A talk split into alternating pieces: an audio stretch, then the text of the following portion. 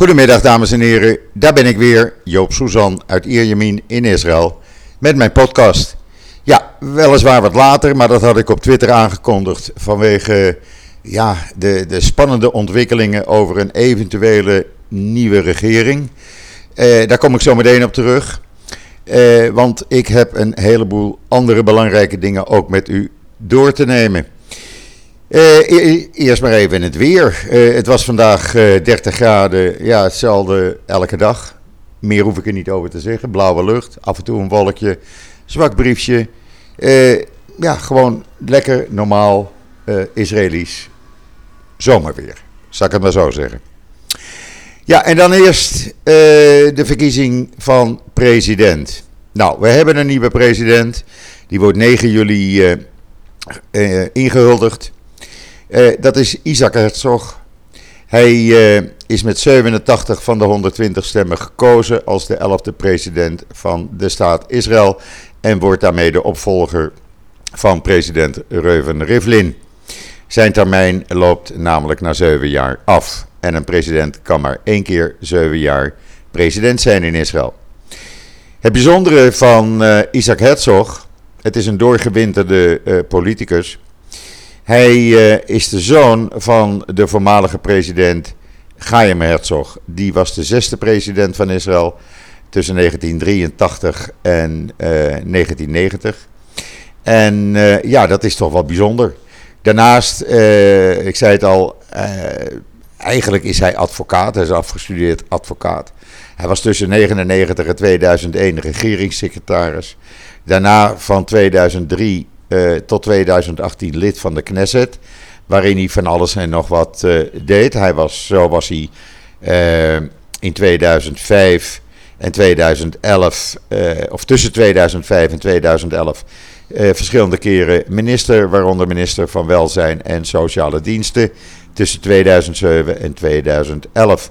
Ook was hij tussen 2013 en 2017 voorzitter van de Labour-partij.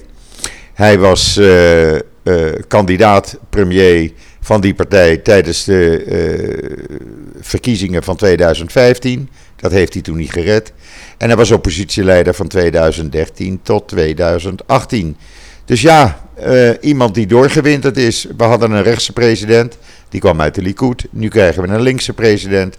Ach, ik denk dat het in principe niet zoveel uitmaakt. Het zijn doorgewinterde politici uh, en alhoewel het een ceremoniële functie is, hebben we bij Rivlin gezien dat hij toch een aantal keren in het hele politieke proces heeft ingegrepen.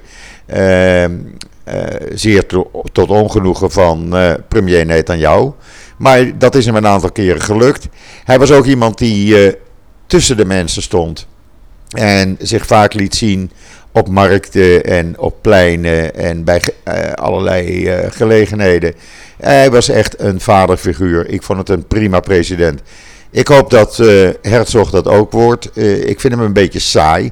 Het is een echte saaie politicus, om het zo maar eens te zeggen. Hij heeft weinig uitstraling. Maar goed, je weet het niet. Hij zei uh, in zijn eerste toespraak dat hij van plan is bruggen te bouwen binnen de Israëlische samenleving en met de Joodse diaspora, de Joden in, die buiten Israël wonen.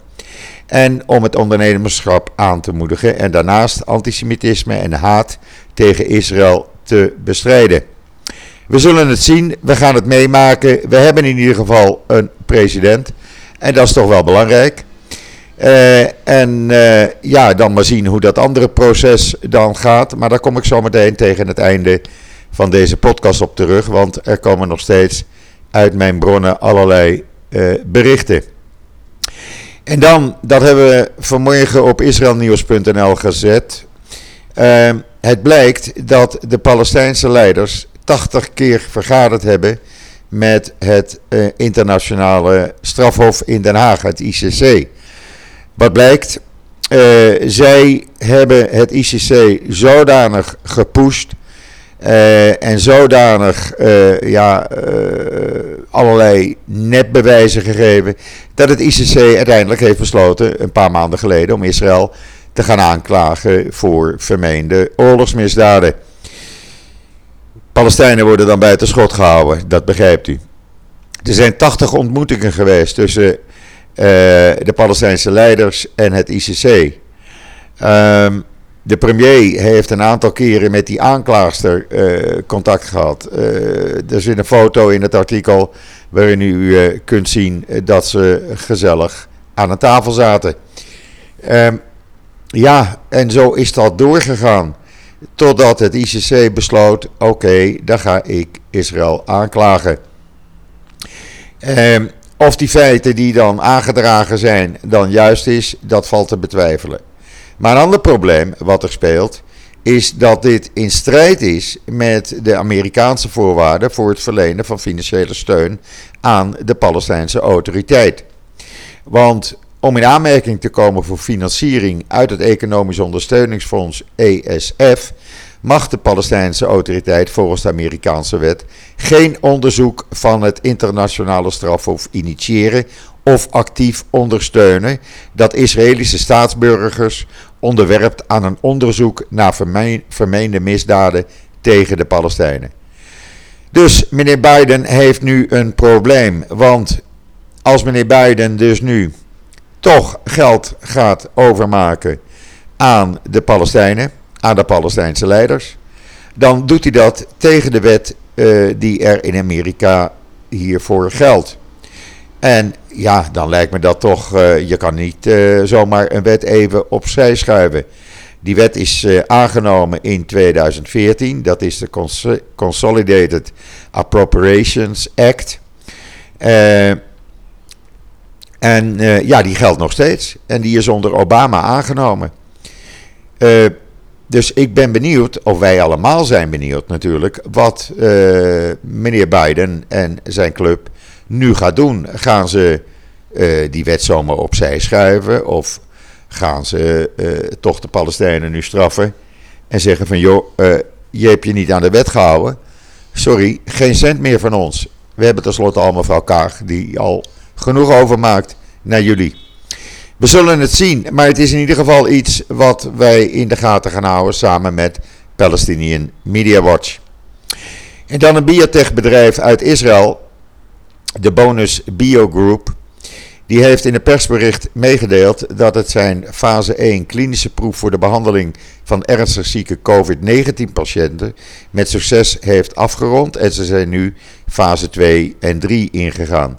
Dat is een pil. Die komt er dan mogelijk voor de winter al.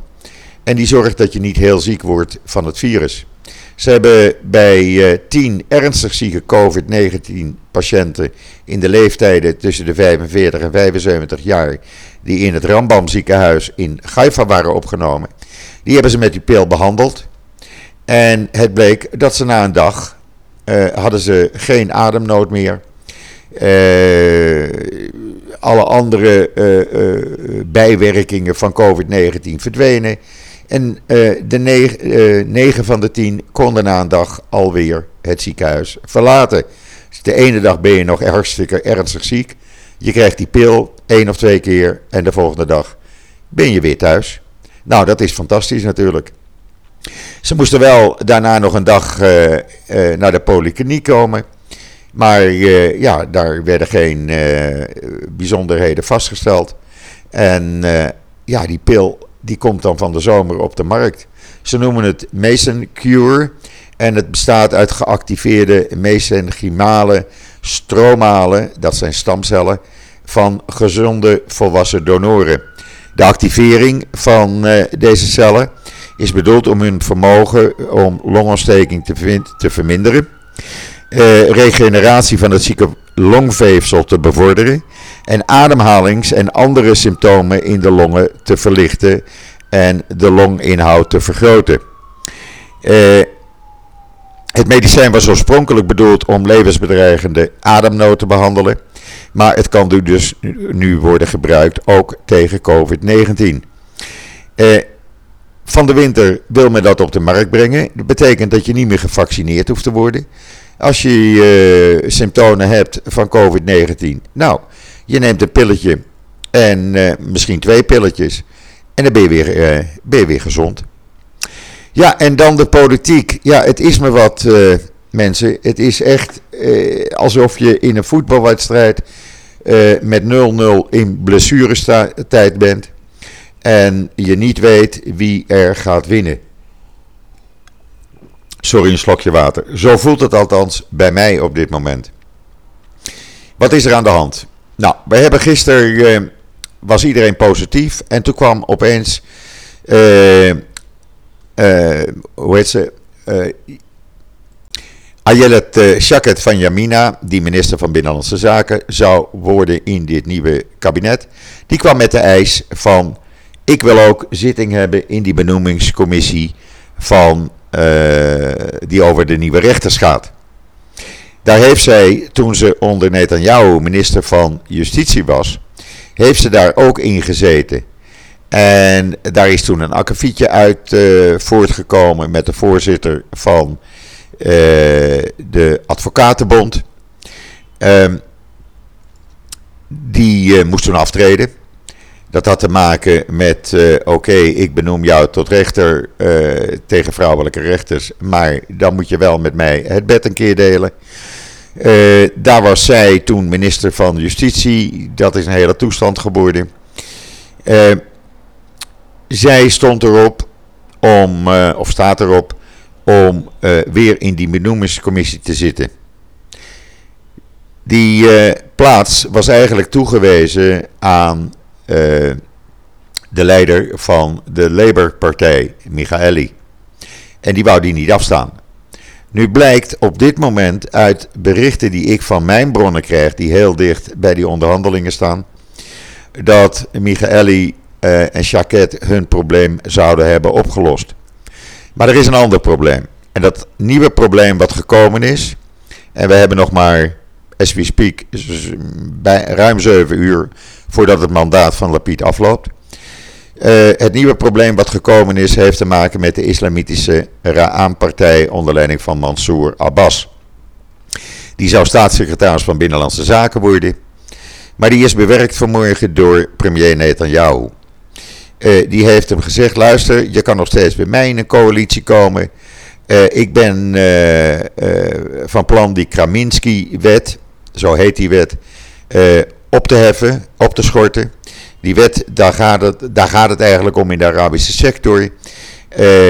Die, die is gemaakt om het illegaal bouwen in de Arabische sector tegen te gaan. Vooral in de Bedouinensector wordt er maar raak gebouwd zonder vergunningen. En dat wilde men tegengaan door deze nieuwe wet te introduceren. Abbas heeft gezegd: Ik wil van die wet af. Uh, Netanyahu heeft hem gezegd: Nou, dat kan als je bij mij komt. Toen is hij naar Lapid gegaan vanmorgen en heeft gezegd: Nou, uh, ik kan zo bij uh, Netanyahu in zijn coalitie, als jullie het niet lukt. Want die wil van die wet af en die wil mijn ten dienste zijn. Nou, Lapid heeft gezegd: Ja, daar beginnen we niet aan. Gans heeft het ook gezegd. Bennett heeft het gezegd. dat is de situatie op dit moment. En er schijnen, volgens mijn bronnen, uh, dramatische tafereelen op dit moment achter de schermen uh, zich af te spelen aan de onderhandelingstafel. U moet niet vergeten, er is een akkoord met alle partijen. Alle partijen zijn akkoord, behalve de Ra'an-partij. En ze hebben die Ra'an-partij nodig, want uh, zonder die Ra'an-partij komen ze op 59 van de 120 Knessetzetels. Die meneer Mansour Abbas brengt met zich mee vier Knessetzetels dan zouden ze dus op uh, uh, 63 zetels uitkomen. Maar er is één overloper uh, is er al van de Yamina-partij en die heeft zijn zetel behouden. Dus dan hebben ze 62 zetels. Ja, het klinkt ingewikkeld. Wij raken af en toe ook even de weg kwijt. Maar ik probeer het zo goed mogelijk voor u bij te houden. Dat is de situatie op dit moment. Dus ze hebben allemaal getekend, ze zijn allemaal akkoord, maar meneer Abbas ligt nog dwars. Het rijmt, daar kan ik ook niets aan doen. Um, of dat gaat lukken, ik hoop het. Maar om u te zeggen, op dit moment zeg ik 100% het gaat lukken, nee. Ik denk dat ze op 80% zitten.